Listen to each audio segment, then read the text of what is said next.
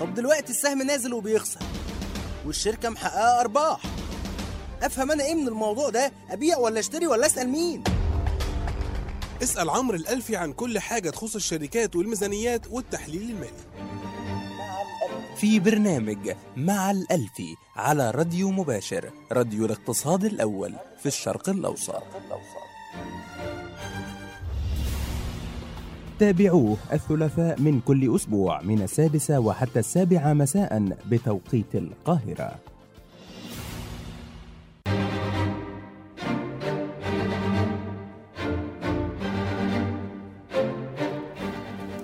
بسم الله الرحمن الرحيم. السلام عليكم واهلا بيكم في حلقة جديدة من برنامج مع الألفي. معايا على الميكسر محمد يونس ومعاكم على الهوا عمرو الألفي. بنتكلم النهارده في حلقتنا عن آه، القوائم المالية وال- والتحليل المالي مرة أخرى.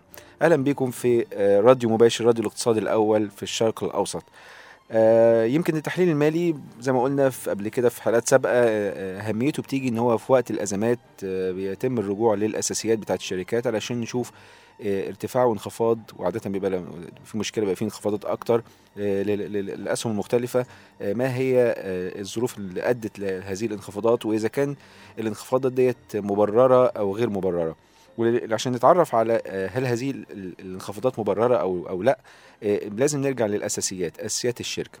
نرجع تاني ونفكركم نتكلم عن التقييمات آه، أي ورقة مالية أو أي أصل عامة. هو عبارة عن القيمة الحالية للتدفق النقدي اللي بيجي من هذا الأصل. فبنتكلم من ناحية ال- الأسهم بنتكلم على التوزيعات اللي بتيجي من آه، آه، الأسهم. طبعا ال- الأسهم عشان توزع آه، توزيعات نقدية آه، اللي هي ارباح الشركات هو مش مجرد إن أنا يكون عندي صافي ربح في قائمه الدخل لأن ممكن صافي الربح دوت ما يكونش ال- ال- الطبيعة بتاعته نقدية. لأن بس- ببساطة جدا أنا ممكن أبيع حاجات بالآجل وأبين إن أنا كسبان من ناحية المحاسبة النظام المحاسبي بتاعي إن أنا كسبان. ولكن في حقيقة الأمر لو بصيتها من ناحية اقتصادية أنا مش كسبان لأن أنا ممكن أكون بعت بالآجل وما لميتش فلوسي فبالتالي مفيش نقدية جات لي في جيبي. وده اللي بنسميه cash king أو النقديه هي الملك.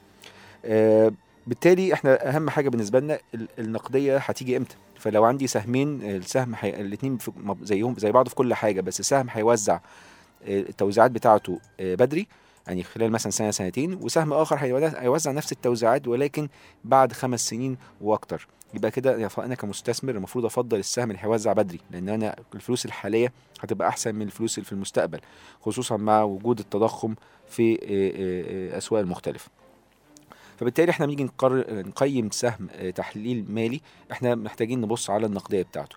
ولكن التقييمات بتختلف آه، النماذج بتاعتها من نموذج لآخر.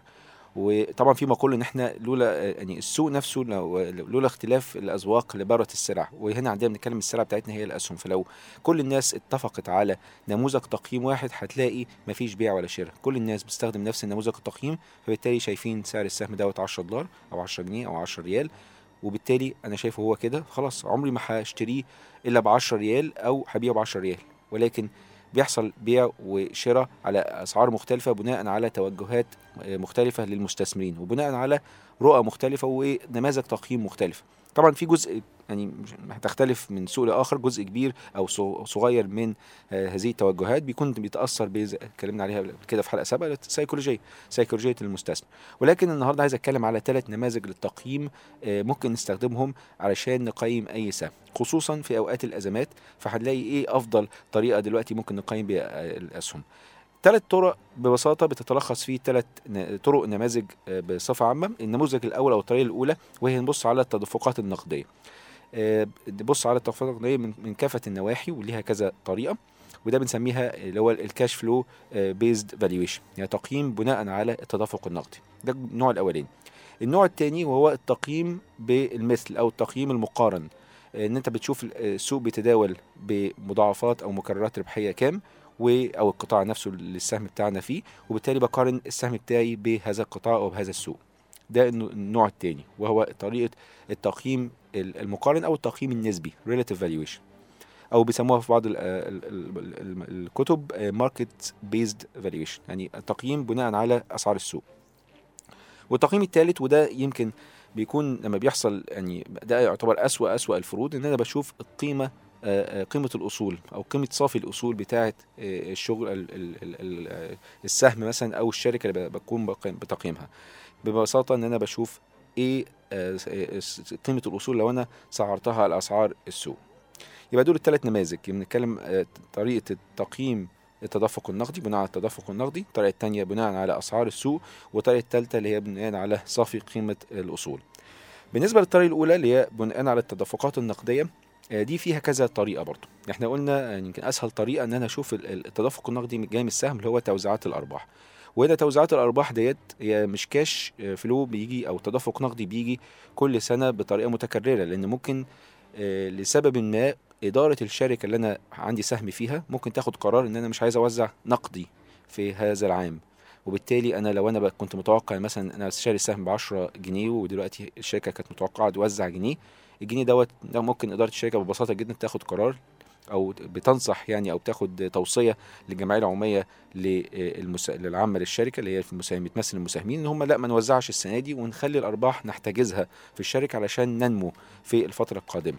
ده طبعا عدم وجود توزيعات بيأثر بالسلب على أسعار الأسهم ولكن ليس بالضرورة انه يكون تأثير سلبي لأن هو إن أنا أخلي الفلوس عندي أو النقدية عندي لو أنا مش هعيد استثمار هذه النقدية بعائد أكبر من العائد اللي المستثمر ممكن يعمله لوحده بالتالي لا أنا أفضل لي إن أنا آه، أخلي آه، آه، أوزع ال- الأسهم ديت. يبقى أنا بحتفظ بأرباح الشركة المفروض أعمل عائد أعلى من ال- العائد اللي ممكن المستثمر يعمله لوحده لو خد الكاش دوت.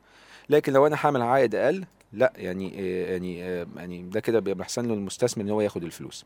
فمش في كل الأحوال آه، توزيع الأرباح بيبقى جيد. ممكن توزيع الأرباح ممكن يدي مؤشر إن الشركة ما عندهاش مشاريع بتعيد استثمار أموالها فيها وبالتالي بتضطر إن هي توزع أرباحها للمساهمين.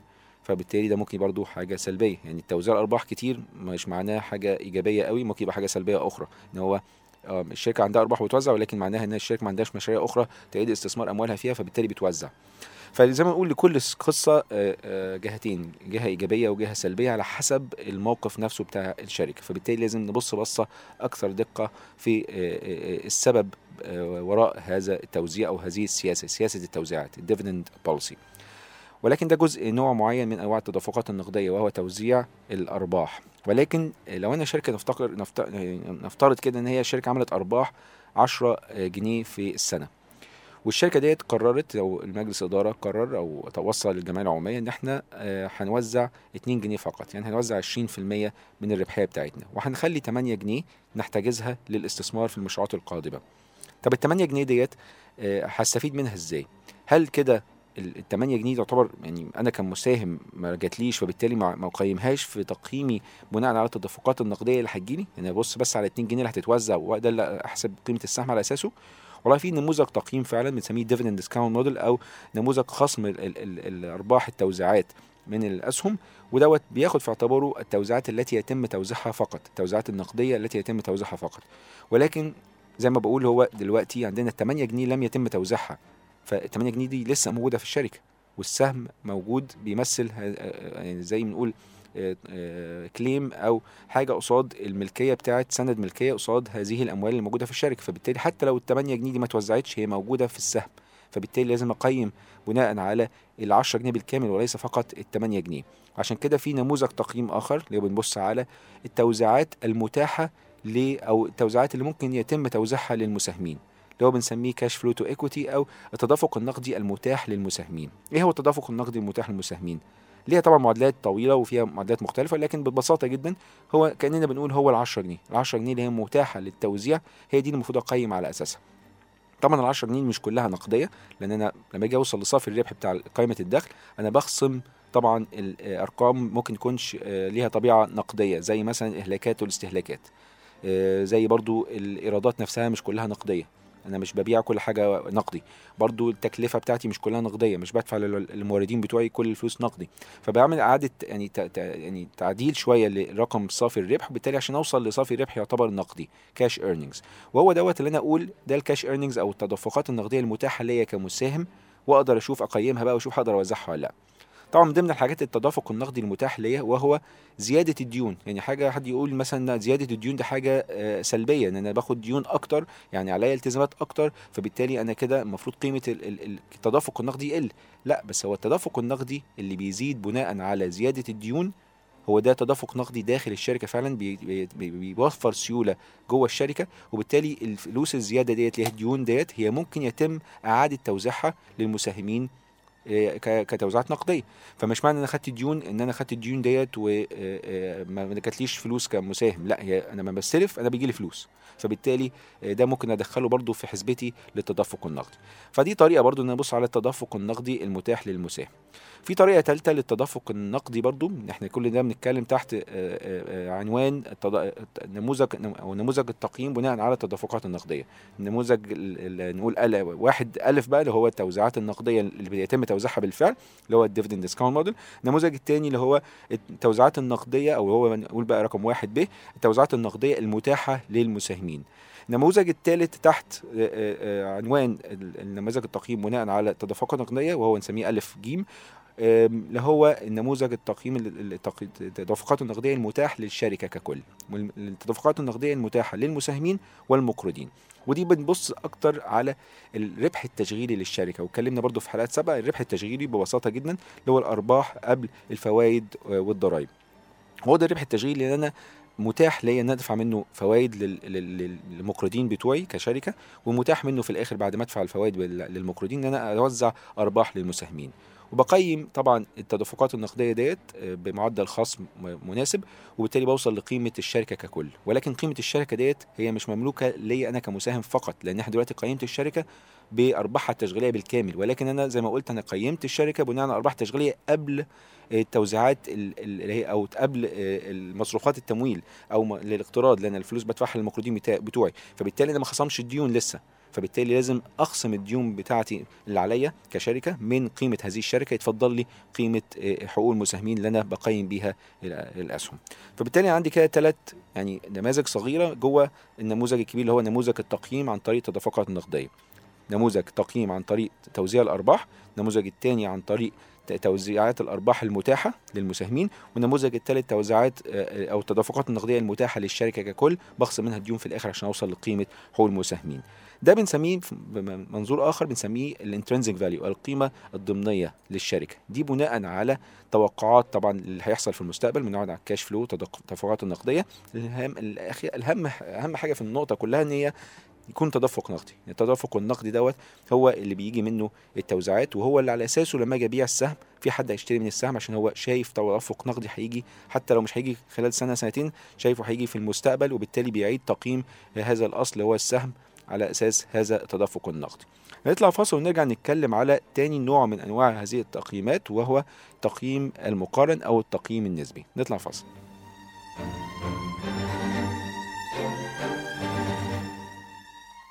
تستمعون الآن إلى مع الألفي على راديو مباشر راديو الاقتصاد الأول في الشرق الأوسط.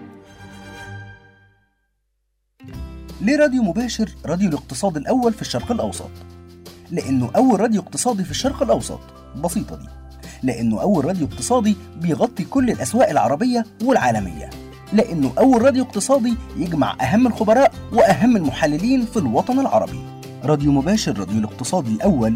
لأننا أول راديو اقتصادي يهتم بالجانب التعليمي. فعملنا أول برنامج لتعليم البورصة. أول برنامج لتعليم الفوركس. أول برنامج لتعليم ال business. تخيلوا إحنا عملنا أول مسلسل إذاعي اقتصادي. إحنا أول راديو اقتصادي يقدم الاقتصاد الكلي وأسواق المال بطريقة بسيطة توصل لكل المستمعين في كل الوطن العربي. أول راديو بيكلم كل مستمع بلسانه عارف احتياجاته ودارسها كويس. أول راديو مستني يطلع له منافس. ببساطة راديو مباشر راديو الاقتصاد الأول في الشرق الأوسط. وكيف لك أن تثق بنا؟ يجيب على هذا السؤال نصف مليون مستمع شهريا. شكرا لهم ولك على هذه الثقة. فكيف لك ألا تثق بنا؟ راديو مباشر راديو الاقتصاد الأول في الشرق الأوسط. تستمعون الآن إلى مع الألفي على راديو مباشر راديو الاقتصاد الأول في الشرق الأوسط.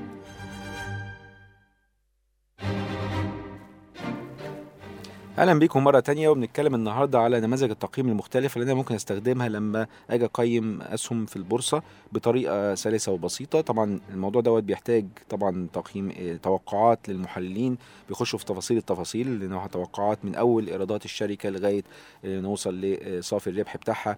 بنتوقع بقيم الأصول والالتزامات وبالتالي حقوق المساهمين في السنوات القادمة.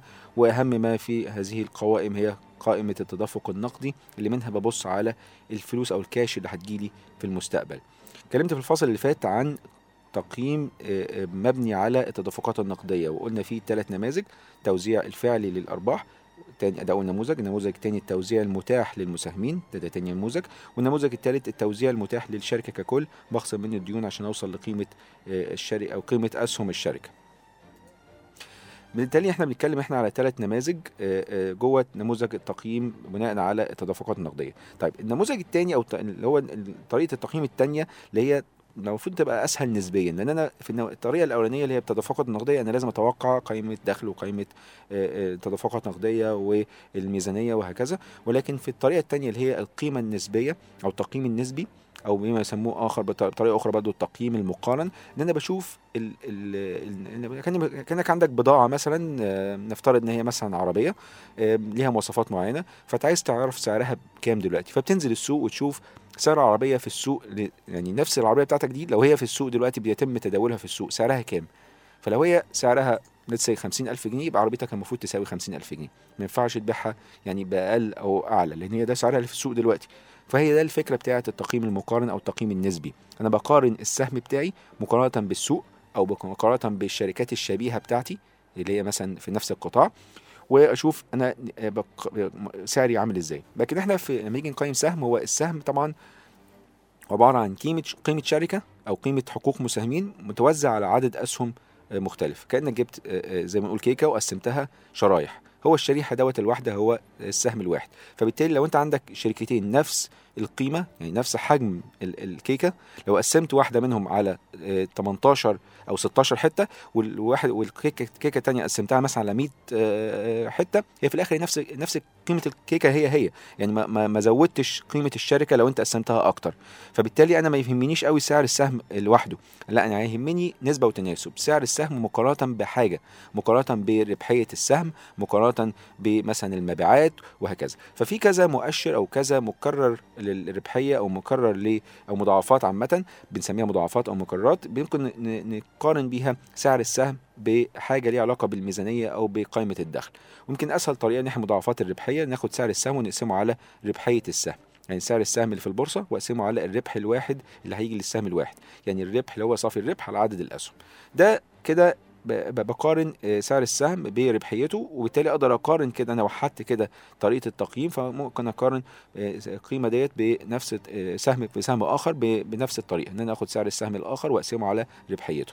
ولكن في مشكلة عامة في طريقة التقييم اللي هي التقييم النسبي. يمكن إحنا في طريقة التقييم الأولانية هي بنتكلم على الشركة نفسها. ربحيتها عاملة إزاي وتوقعاتنا كمحللين عاملة إزاي أو كمستثمرين وبالتالي بنعمل عملية خصم لهذه التدفقات النقدية بنقيم الشركة الآن. ولكن في التقييم النسبي إحنا آه ممكن يكون عندنا توقعات لسنة قدام مش لازم يبقى عندنا سنين كتير ممكن نتكلم على سنة قدام فقط. ولكن ال- القيمة اللي بتطلع دلوقتي آه، اللي هي اللي بنسميها القيمة العادلة بناء على هذا التقييم ممكن تبقى مبالغ فيها أو ممكن تبقى رخيصة. لأن إحنا بنعمل إيه؟ إحنا بناخد قيمة السهم الحالي بنقيمه بناء على تقييم السوق. لأن نشوف السوق بيتداول على كام مرة بنقول إحنا لو سهمنا اتداول على نفس تقييم السوق هيبقى سعرنا كذا. أو لو القطاع بيتداول على آه، تقييم معين لو إحنا السهم بتاعنا تداول على نفس تقييم هذا القطاع يبقى أنا سعر السهم بتاعي كذا. يبقى المشكلة بتاعتي في التقييم النسبي اللي هو نسبة وتناسب. لو لو السوق اوريدي غالي أو قطاع غالي يبقى أنا هقيم السهم بتاعي بس- بسعر غالي مبالغ فيه شوية مقارنة بالقيمة العادلة. ولكن لو السوق رخيص زي ما إحنا شايفين دلوقتي اللي بيحصل في الأسواق والانخفاضات الكبيرة يبقى أنا كده سعر السهم يعتبر رخيص بقيمه برخص يعني بقيمه برخص لأن السوق أصلا رخيص. فمهما قيمته زي السوق هو already رخيص. حتى لو أعلى نسبيا من السوق يعني حاليا فأنت كده بت- بت- بت- بتخفض قيمته عشان السوق already رخيص. طب أنا اعمل إيه في الحاجة في الموضوع دوت؟ الموضوع دوت طبعا يعني دي يمكن ال- الحاجة السلبية في التقييم النسبي إن لما يكون السوق غالي بي- بي- بي- بي- بيبالغ في قيمة السهم اللي أنت بتطلعه من هذا هذه الطريقة ولما يكون السوق رخيص بت- بترخص قيمة السهم. طبعا عشان تتجنب هذا الموضوع أنت تبص على التدفقات النقدية ولكن ممكن تبص بطريقة بسيطة جدا على المضاعف القيمة الدفترية. بمعنى آخر القيمة الدفترية اللي إحنا قلنا عليها قبل كده اللي هي بتجيب حقوق المساهمين اللي في الميزانية واقسمها على عدد الأسهم. يعني بنقول دي القيمه ال- اللي ناتجة عن آه، رأس المال اللي تم استثماره من قبل المساهمين ال- ال- الأصليين أو المساهمين اللي هم المؤسسين للشركة زائد أي حاجة تم احتجازها. الأرباح محتجزة ناتجة عن أرباح سنوات سابقة لم يتم توزيعها موجودة لسه في حقوق المساهمين. فدي بنسميها القيمه الدفترية. فكل اللي أعمله إن أنا أشوف سعر السهم واقارنه بالقيمة الدفترية للسهم الواحد. يعني جبت ال- قيمة حقوق المساهمين اللي هي الأصول آه، مخصوم منها الالتزامات طلع لي قيمة حقوق المساهمين. لو قسمتها على عدد الأسهم يجيب لي القيمة الدفترية للسهم الواحد. فشوف سعر السهم بيتداول على كم مرة مقارنة بالقيمة الدفترية للسهم الواحد. طبعا يعني لو شركة فيها معدلات نمو المفروض أشوف آه، قيمة السهم يكون أعلى نسبيا من القيمة الدفترية للسهم الواحد. لأن القيمة الدفترية للسهم الواحد معناها إن لو أنا صفيت الشركة النهارده ودي هنشوفها في الطريقة الثالثه اللي هي تقييم صافي الأصول. إن أنا لو صفيت الشركة النهارده هو ده اللي هيجي لي من السهم. يعني لو صفيت الشركة النهارده اللي هيجي لي هو قيمة حقوق المساهمين. فيعني القيمه الدفترية للسهم الواحد. ولكن أنا مش هصفي الشركة النهارده. الشركة مكمله معايا للمال النهائي. ودي م- ال ال ال ال يعتبر أحد خصائص الاستثمار في الأسهم. يعني هو بتكمل لما لا نهايه فبالتالي آه، في آه، تقييم بتاعي لازم يكون يخش فيه معدل النمو. معدل النمو بتاعنا عشان أي شركة تنمو في المستقبل لازم تعيد استثمارها. عشان كده زي ما قلت في الفصل الأولاني إن لما الشركة تقول أنا مش هوزع أنا أنا أنا أنا مش هوزع أرباح ده مش لازم يكون حاجة سلبية بالعكس ممكن يكون حاجة إيجابية لأن بتخلي الأرباح عندها محتجزة عشان تنمو. لأن لو ما خلتش أرباح وتعيد استثمارها مش هتنمو هتعمل معدلات ربحية هي هي كل مرة لكن ما فيش نمو في الأرباح. ولكن عشان تنمو في الأرباح لازم تحتفظ ببعض يعني نسبة من الأرباح بتاعتها. فبنقول معدل النمو هو في الآخر عبارة عن نسبة الاحتفاظ بالأرباح مضروب في العائد على قيمة حقوق الملكية. يعني ال return on equity أو اللي هو العائد حقوق الملكية اللي هو صافي الربح على القيمة الدفترية بتاعه الشركة. يعني أنا كل سنة نفترض مثلا الشركة عندي عندها 1000 جنيه آه، آه، قيمة دفترية وبتعمل كل سنة 100 جنيه ربحية. يعني كده بنتكلم على 10% عائد على حقوق الملكية. لو أنا هعيد استثمار كل ربحيتي في الشركة يعني مش هوزع أي حاجة هخلي 100% من أرباحي معنى كده معدلات النمو بتاعتي هتبقى 10% طب لو أنا خليت نص فلوسي بس لو أنا عملت ربحية آه، 100 جنيه في السنة وخليت 50 ووزعت 50 للمساهمين. ال 50 اللي خليتها ديت هتخليني آه، أنمو بنص ال 10% نص العائد اللي أنا بجيبه على حقوق المساهمين. يبقى بالتالي بنمو ب 5% يبقى أنا معدل النمو عبارة عن هو عشان أزوده لازم حاجتين يا إما أزود ربحيتي كنسبة وتناسب ان أنا كل الفلوس بستثمرها أعمل فلوس أكتر منها بعد ما أعمل 10 أعمل 11 12 13% دي طريقة عشان ازود معدل النمو بتاعي. أو الطريقة الأخرى لو أنا هعمل كل سنة 10% على العائد المستثمر لا ان أنا أنا اخلي أعيد استثمار فلوس أكتر. بدل ما أوزع أرباحي لا أعيد اس- استثمار. بدل ما 50% لا أعيد استثمار 60 فبالتالي هعمل نمو 6% اخليه أعيد استثمار 70% هعمل نمو 7% وبالتالي هو قرار الشركة بيتم اتخاذه مقارنة بالعائد على حقوق الملكية مقارنة طبعا بإيه؟ بالعائد المطلوب من المساهمين. واتكلمنا برضو في حلقات سبعه عن العائد المطلوب من المساهمين هو بنسميه العائد على حقوق الملكية. هو عبارة عن جزئين أنت كمساهم بتبقى عايز ربحية السهم اللي هو التوزيع النقدي زائد معدلات النمو. الاثنين دولت على بعض يجيب لك ال- العائد المطلوب. فبطريقه بسيطة لو أنا عايز أقارن آه، أي سهم دلوقتي وأقيمه ممكن أبص على القيمة الدفترية بتاعته. وعندي السعر بتاعه في الب- في البورصة فأعرف أقسم ده على ده أقسم سعر السهم على القيمه الدفترية بتاعته أشوف كم مرة. يعني السوق ممكن يكون بيتداول على مرة ونص ممكن يكون بيتداول على مرتين ده السوق ككل. آه لو أنا ببص على السهم بتاعي نفترض إن أنا لقيت إن سعر السهم في البورصة آه 15 جنيه والقيمه الدفتريه للسهم الواحد 10 جنيه. فبالتالي لقيت إن السهم بيتداول على مرة ونص. فده كويس ولا وحش؟ أنا مش عارف. هو ده اللي بيت... اللي جاي من السوق. إن سعر السهم بيتداول على مرة ونص القيمة الدفترية. فعشان أعرف الرقم دوت هو كويس ولا مش كويس ممكن أعمل حاجة بسيطة جدا. اخد أو هقسم معادلة حسابية. هاخد العائد على حقوق الملكية اللي هو ال return on equity اللي هو اللي إحنا كان مثال بالسابق بتاعنا قلنا حوالي 10% وهطرح منه معدل النمو المتوقع. نفترض أنا معدل النمو بتاعي آه، عشان نظبط نسهل الأرقام شوية نقول 2% تمام؟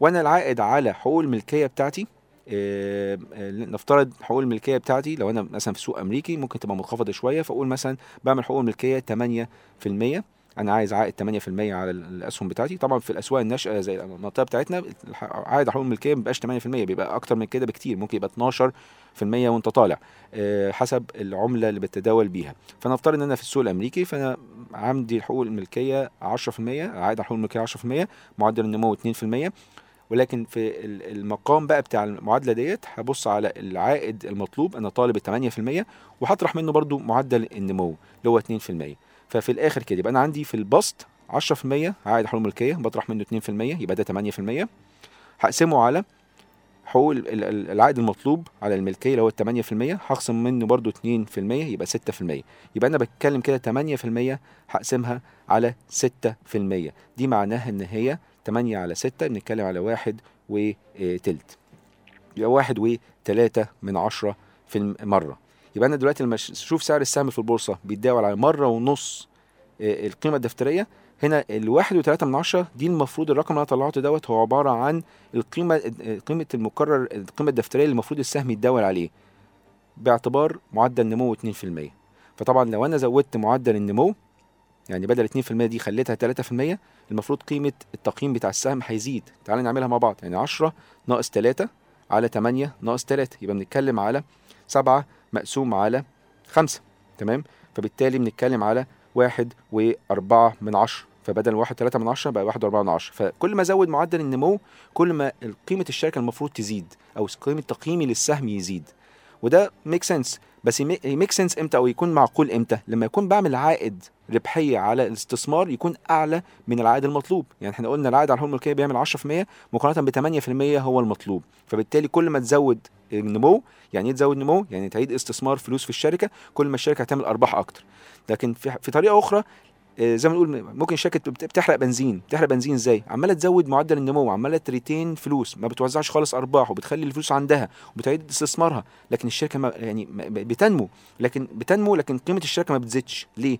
لأن ممكن يكون الشركة بتعمل عائد زي المطلوب بالظبط. لو هي بتعمل 10% وتكلفة الحقوق المساهمين هي ال 10% مهما زودت معدلات النمو هتفضل الشركة هي هي نفس التقييم مش هتزيد. ده بنسميه تحرق كاش. عمال تحرق كاش إن أنت بتستثمر في الشركة ولكن العائد الربحية على هذا الكاش أو النقدية لا. لا. يعني لا يزيد على العائد المطلوب من المساهمين فبالتالي تفضل محلك سر ما بتتحركش طب العكس لو الشركة بتعيد استثمار فلوسها بس العائد الربحية اللي بتعمله 10% ولكن العائد المطلوب من المساهمين أكتر من 10% ليتس إن هو 15% لا كده الشركة بتحرق فلوس أكتر بقى إن هي كمان بتنزل قيمة الشركة مش مثلا أنت واقف مكانك سر ده أنت بتحرق بنزين والعربية بترجع مش واقف مكانك فطبعا يهمني جدا يكون العائد على حقوق الملكية أعلى من العائد المطلوب من المساهمين ويكون فيه معدل نمو ده كده ببساطة لو أنت عايز تقيم بناء على قيمة السعر مقارنة بالقيمة الدفترية للسعر للسهم الواحد. قيمة سعر السهم مقارنة بالقيمة الدفترية ليه. يبقى بناخد العائد على الحقوق الملكية واخصم منه معدل النمو المتوقع وأقسمه على العائد المطلوب من السهم ماينس برضه أو ناقص المعدل النمو المتوقع. ده يطلع لي القيمة الدفت... قيمة أو مكرر السعر السهم للقيمة الدفترية اللي المفروض السهم يتداول عليه بناء على التوقعات اللي أنا حاططها في هذه المعادلة. نطلع فاصل بسيط ونرجع نتكلم عن النموذج الثالث وهو صافي قيمة الأصول آخر نموذج لتقييم الأسهم.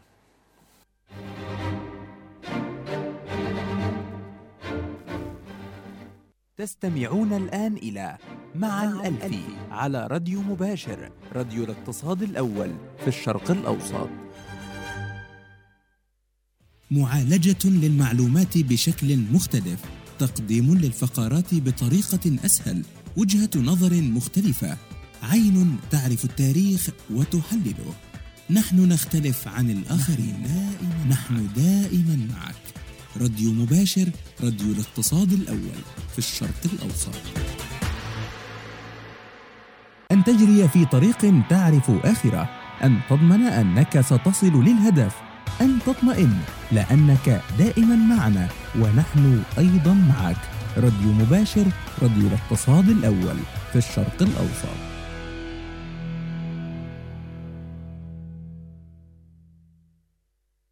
تستمعون الآن إلى مع الألفي على راديو مباشر راديو الاقتصاد الأول في الشرق الأوسط.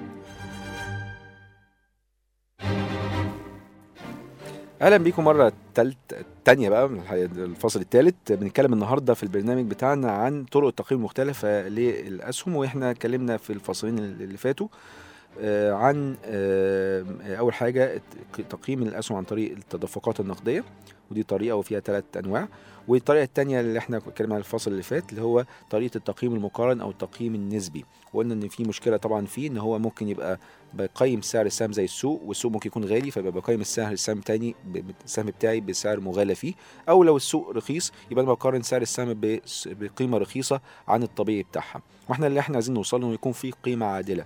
و يعني لو خدنا النموذجين الاولانيين دولت ممكن نمثلهم بطريقتين تانيين. يعني إحنا نقول إن اللي بيستخدم نموذج تقييم التدفق النقدي ده يعتبر مقيم آه، بيقيم بناء على القيمة الضمنية للتدفقات النقدية اللي جاية من السهم أو من الشركة.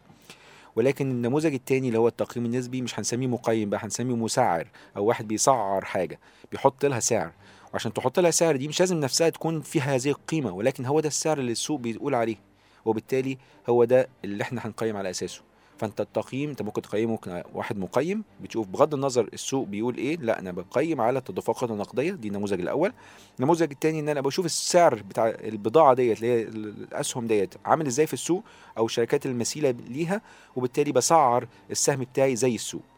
فده طبعا ليه أسباب إيجابياته وسلبياته وده ليه إيجابياته وسلبياته. لكن في طريقة ثالثه ودي ممكن نعتبرها يعني آه، آه، آخر حاجة إن إحنا ممكن نوصل لها لو حصل إن إحنا تصفيه للشركه أو دي في بعض الأحيان اللي بيحب يستخدم هذا التقييم يا إما بيقيم أصول عقارية أو بيقيم آه، آه، سهم أو شركة باعتبار إن هو عايز يستحوذ عليها. فلما يجي عايز يستحوذ عليها بيقول دلوقتي لو أنا حب حبيت أعمل آه، نفس المجال اللي الشركة دي بتقوم عليه دلوقتي آه، بكل ال ال ال الأصول بتاعتها بكل الحصص السوقية اللي عندها في القطاع بتاعها بإدارة بحجم العمالة كل الكلام ده لو أنا عايز أريبليكيت أو أعمل الكلام ده ده النهارده عايز أشوف بي بي بيساوي كام.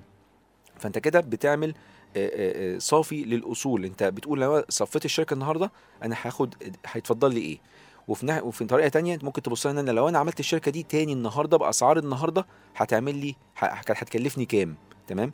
لأن أنا دلوقتي أنا عندي آه، في البالانس شيت أو في الميزانية عندي الأصول في الناحية الشمال وعندي الناحية اليمين طريقة التمويل بتاعتها. طريقة التمويل لأي أصول أنت بتشتريه يا إما أنت حاطط فلوس من نفسك فدي حقوق مساهمين يا إما الطريقة التانية إن أنت مقترض واخد فلوس من البنوك واخد فلوس من طريق إصدار سندات فالناس مق- مقرضاك فلوس. أنت اقترضت آه، فلوس فأنت ده الجزء التاني من التمويل. فالتمويل اي أصول يا إما حقوق مساهمين يا إما آه، آه، جزء منه محسوب حقوق مساهمين يا إما كمان استلاف أو اقتراض من سوق المال أو من البنوك. فبالتالي انت عندك آه، قيم اصول وقصادها طريقة التمويل بتاعتها التزامات وحقوق مساهمين ولكن قيم الاصول الموجودة في الميزانية هي قيم اصول دفترية وليست مسعرة بسعر السوق. النظام المحاسبي بيقول لك إن أنت لأ أنت مش كل حاجة بتعيد تقييمها كل مرة تيجي تعمل ميزانية. تقول مثلا أنا اشتريت المصنع ده من سنتين بمليار النهارده لو أنا قيمته النهارده هلاقيه بمليار ونص ولو قيمته كمان 10 سنين هلاقيه ب 3 مليار. لا انت ما بتعيدش تقييم الأصول لأي لكل سنة كل سنة أو كل فترة وخلاص بدون سبب. لازم يكون في سبب زي مثلا يكون في عملية استحواذ على الشركة فيتم إعادة تقييم الأصول. ولكن أنت طول ما الشركة شغالة لا أنت واخد الأصول القيمة الدفترية بتاعتها. من ساعة ما تم إنشاء هذه الأصول منذ أمد بعيد ملهاش علاقة. أنت قيمة الأصول هي الموجودة في آه، الدفاتر. ولكن لما أجي اقيم بقى طب أنا هقيم شركة عامل إزاي؟ إحنا قلنا ممكن طريقة التقييم ديت اللي هي قيمة صافي الأصول عاده بيستخدموها في قطاع زي القطاع العقاري. ولما ناخد مثال مثلا شركتين شركة عقارية حديثة تمام؟ وشركة عقارية قديمة شوية بقى لها مثلا 50 سنة. الحديثة دي لسه لم تم مثلا تأسيسها من خمس سنين مثلا وشركة أخرى تم تأسيسها من 50 سنة. لو جيت بصيت لو جيت بصيت على قيمة الأصول بتاعت هاتين الشركتين هتلاقي إن قيمة أصول الشركة اللي هي آه، قديمة هتلاقي مثلا لو عندها أراضي هتلاقي الأراضي بتاعتها قيمتها قليلة جدا لأن هي اوريدي يعني استحوذت على هذه- الأراضي بقيمة متدنية منذ 50 50 سنة. لكن الشركة اللي هي اللي تم تع- آه، يعني تأسيسها حديثا يعني استحوذت على الشركة على الأراضي بتاعتها من خمس سنين هي الأسعار بعد ما ارتفعت بصورة كبيرة. فبالتالي هتلاقي قيمة الأراضي في ال- البالانس شيت أو في الميزانية لقيمة للشركه الحديثة هتلاقي قيمتها أعلى من قيمة الأراضي الموجودة في الشركة القديمة اللي هي منذ 50 سنة. طب أنا عايز أقارن الشركتين ببعض أعمل إيه؟ لا أنا بدل ما أقعد أقارن أنا هقول كل قيم هذه الأصول أنا هعيد تقييمها بناء على سعر السوق. فهشوف مثلا الأرض ديت النهارده عندها 1000 متر ال 1000 متر دي بكام؟ آه ده ب 1000 جنيه. يبقى المتر الواحد يبقى بنتكلم على مليون جنيه. الشركة الأخرى عندها 1000 متر آه برضو ب 1000 جنيه يبقى كده فعلا مليون جنيه. يبقى كده الشركتين تساووا. يعني الاثنين دول كان عندهم 1000 متر بس الشركة القديمة كانت واخدة ال 1000 متر ب 10 جنيه.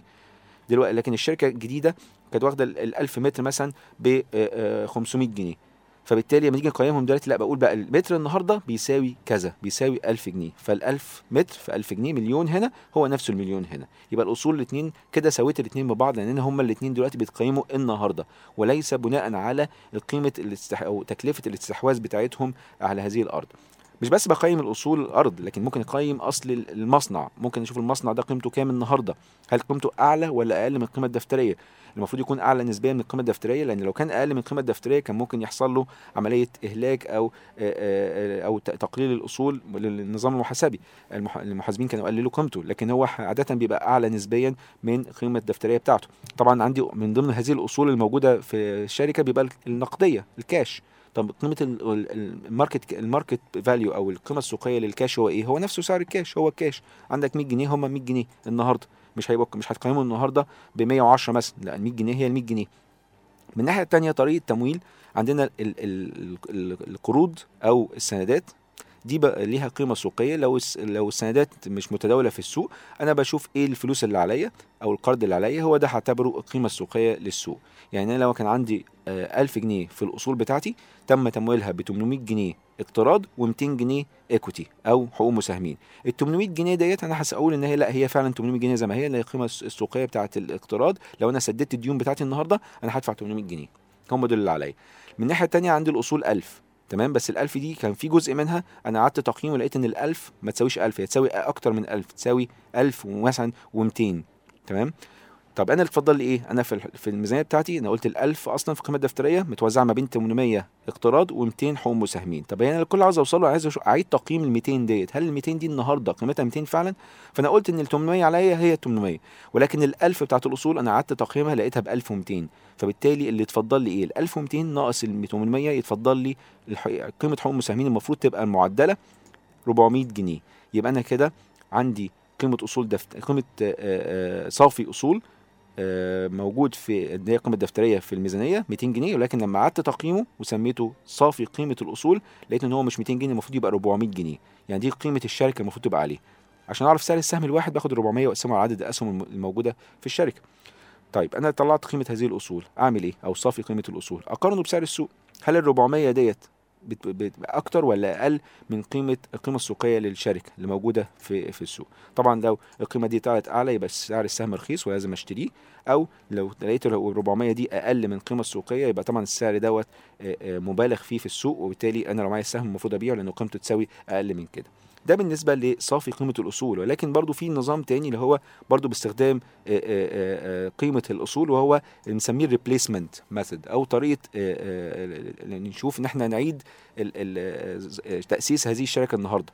يعني بنقول لو إحنا النهارده هنستبدل أو القيمة الاستبدالية هنستبدل الشركة النهارده ونبتدي نأسسها تاني من الأول النهارده هنشوف أسعارها عاملة إزاي النهارده. المصنع اللي أنا كنت عملته من 10 سنين دلوقتي لو عملته النهارده هيكلفني كام؟ ولو أنا عشان أعمله النهارده هاخد تمويل كام؟ وهحط راس مال كام؟ كل الكلام دوت بعيد تقييمه النهارده. بشوف قيمة السهم أو قيمة الشركة النهارده هل يساوي لو هو أقل في البورصة أقل من قيمة الاست... القيمه الاستبداليه لا يبقى كده سعر السهم رخيص جدا. ده أنا هشتريه في البورصة النهارده وبدل ما أقعد أعمل الكلام ده كله وأعيد إصدار وتأسيس شركة أخرى وأشتري مصنع وهكذا لا ده أنا ممكن أشتريه في البورصة النهارده أرخص من إن أنا لو أنا كنت أسسته من البداية. خصوصا إن أنت لو أسست شركة من البداية النهارده انت مش هتاخد الحصة السوقية بتاعتها على طول لأن انت لسه بتبتدي من zero وبتبتدي تستحوذ على الحصه السوقيه لكن لو اشتريت سهم النهارده انت بتشتري حقوق ملكية وبالتالي بيبقى أنت ليك حصة سوقية في القطاع بتاعك. طبعا دوت بي- بيبقى بيعتبر أسوأ الفروض وخصوصا لما يكون في عملية استحواذ على شركة بيحب يفضلوا إن هم يبصوا برضو القيمه السوقيه للأصول اللي بيستحوذوا عليها النهارده عاملة إزاي نخصم منها المديونية يتفضل لي قيمة الشركة. هي دي القيمه على الأقل إن دي القيمة الأقل اللي أنا ما ينفعش أنزل تحتيها. لكن ممكن أبقى أعلى منها شوية. ليه؟ لأن أنا لما بقيم شركة أنا مش بقيم شركة على الأرض النهارده فقط ولكن بقيم الشركة على آه، نوعين من الأصول. الأصول الموجودة الحالية في الشركة والأصول اللي فيها أصول نمو الاصول اللي هي بنسميها growth assets أو الأصول اللي هي هتجيب لي نمو في الفترة القادمة. طب الأصول دي موجودة معايا النهارده؟ لا مش معايا النهارده ولكن هستثمر أعيد استثمار فلوسي في الشركة وبالتالي يعني أعيد استثمار في الفلوس في الشركة. إن أنا أشتري أصول جديدة هي هتعمل لي زيادة في معدلات النمو في المستقبل. ما أنا لما بخلي فلوس في في, في الشركة أنا بشتري بيها أصول عشان تزود لي حجم المبيعات تزود لي حجم الربحية بتاعي. فبالتالي أنا عندي نوعين من الأصول. الأصول الحالية اللي أنا قيمتها بطريقة قيمة صافي الأصول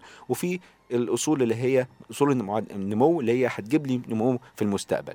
يبقى أنا كده عندي ثلاث طرق للتقييم. الطريقة الأولى قلنا بنستخدم التدفقات التدفقات النقدية وليها ثلاث أنواع. والطريقة الثانية اللي هو التقييم النسبي وقلنا دي مشكلته لو السوق رخيص يبقى أنا بقيم سهم بالرخيص. والطريقة الثالثه إن أنا ببص على القيمة صافي الأصول. لو أنا سعرت الأصول بتاعتي والالتزامات اللي عليا. بالقيم السوقية بتاعتها اللي هيتفضل لي في الآخر الصافي بتاعها هو ده صافي قيمة الأصل بتاعة الشركة وبالتالي أقدر أوصل لأقل أو آه، اللي فاضل ليا كمساهم في قيمة هذه الشركة. يبقى كده هم دول الثلاث طرق التقييم بتاعتي إن أنا ممكن أستخدمها علشان أقيم بيهم آه، آه، الأسهم. وبكده يبقى خلصت حلقتنا النهارده. إحنا اتكلمنا النهارده على التقييم بثلاث طرق مختلفة. أتمنى إن يكون الثلاث طرق دولت واضحين بالنسبة لينا كمستثمرين إن إحنا نقدر نستخدم واحدة منهم علشان نقدر نقيم أسهمنا مقارنة بسعر السوق ونحدد هل نقدر نشتري أو نبيع هذا السهم. كنت معاكم عمرو الألفي على الهوا وكان معي على الميكسر محمد يونس. نشكركم على حسن استماعكم ونلتقي على خير إن شاء الله في حلقة قادمة على راديو مباشر راديو الاقتصاد الأول في الشرق الأوسط. شكرا السلام عليكم.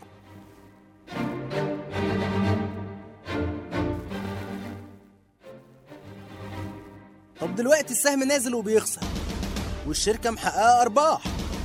أفهم أنا إيه من الموضوع ده؟ أبيع ولا أشتري ولا أسأل مين؟ اسأل عمرو الألفي عن كل حاجة تخص الشركات والميزانيات والتحليل المالي. في برنامج مع الألفي على راديو مباشر راديو الاقتصاد الأول في الشرق الأوسط. تابعوه الثلاثاء من كل أسبوع من السادسة وحتى السابعة مساء بتوقيت القاهرة.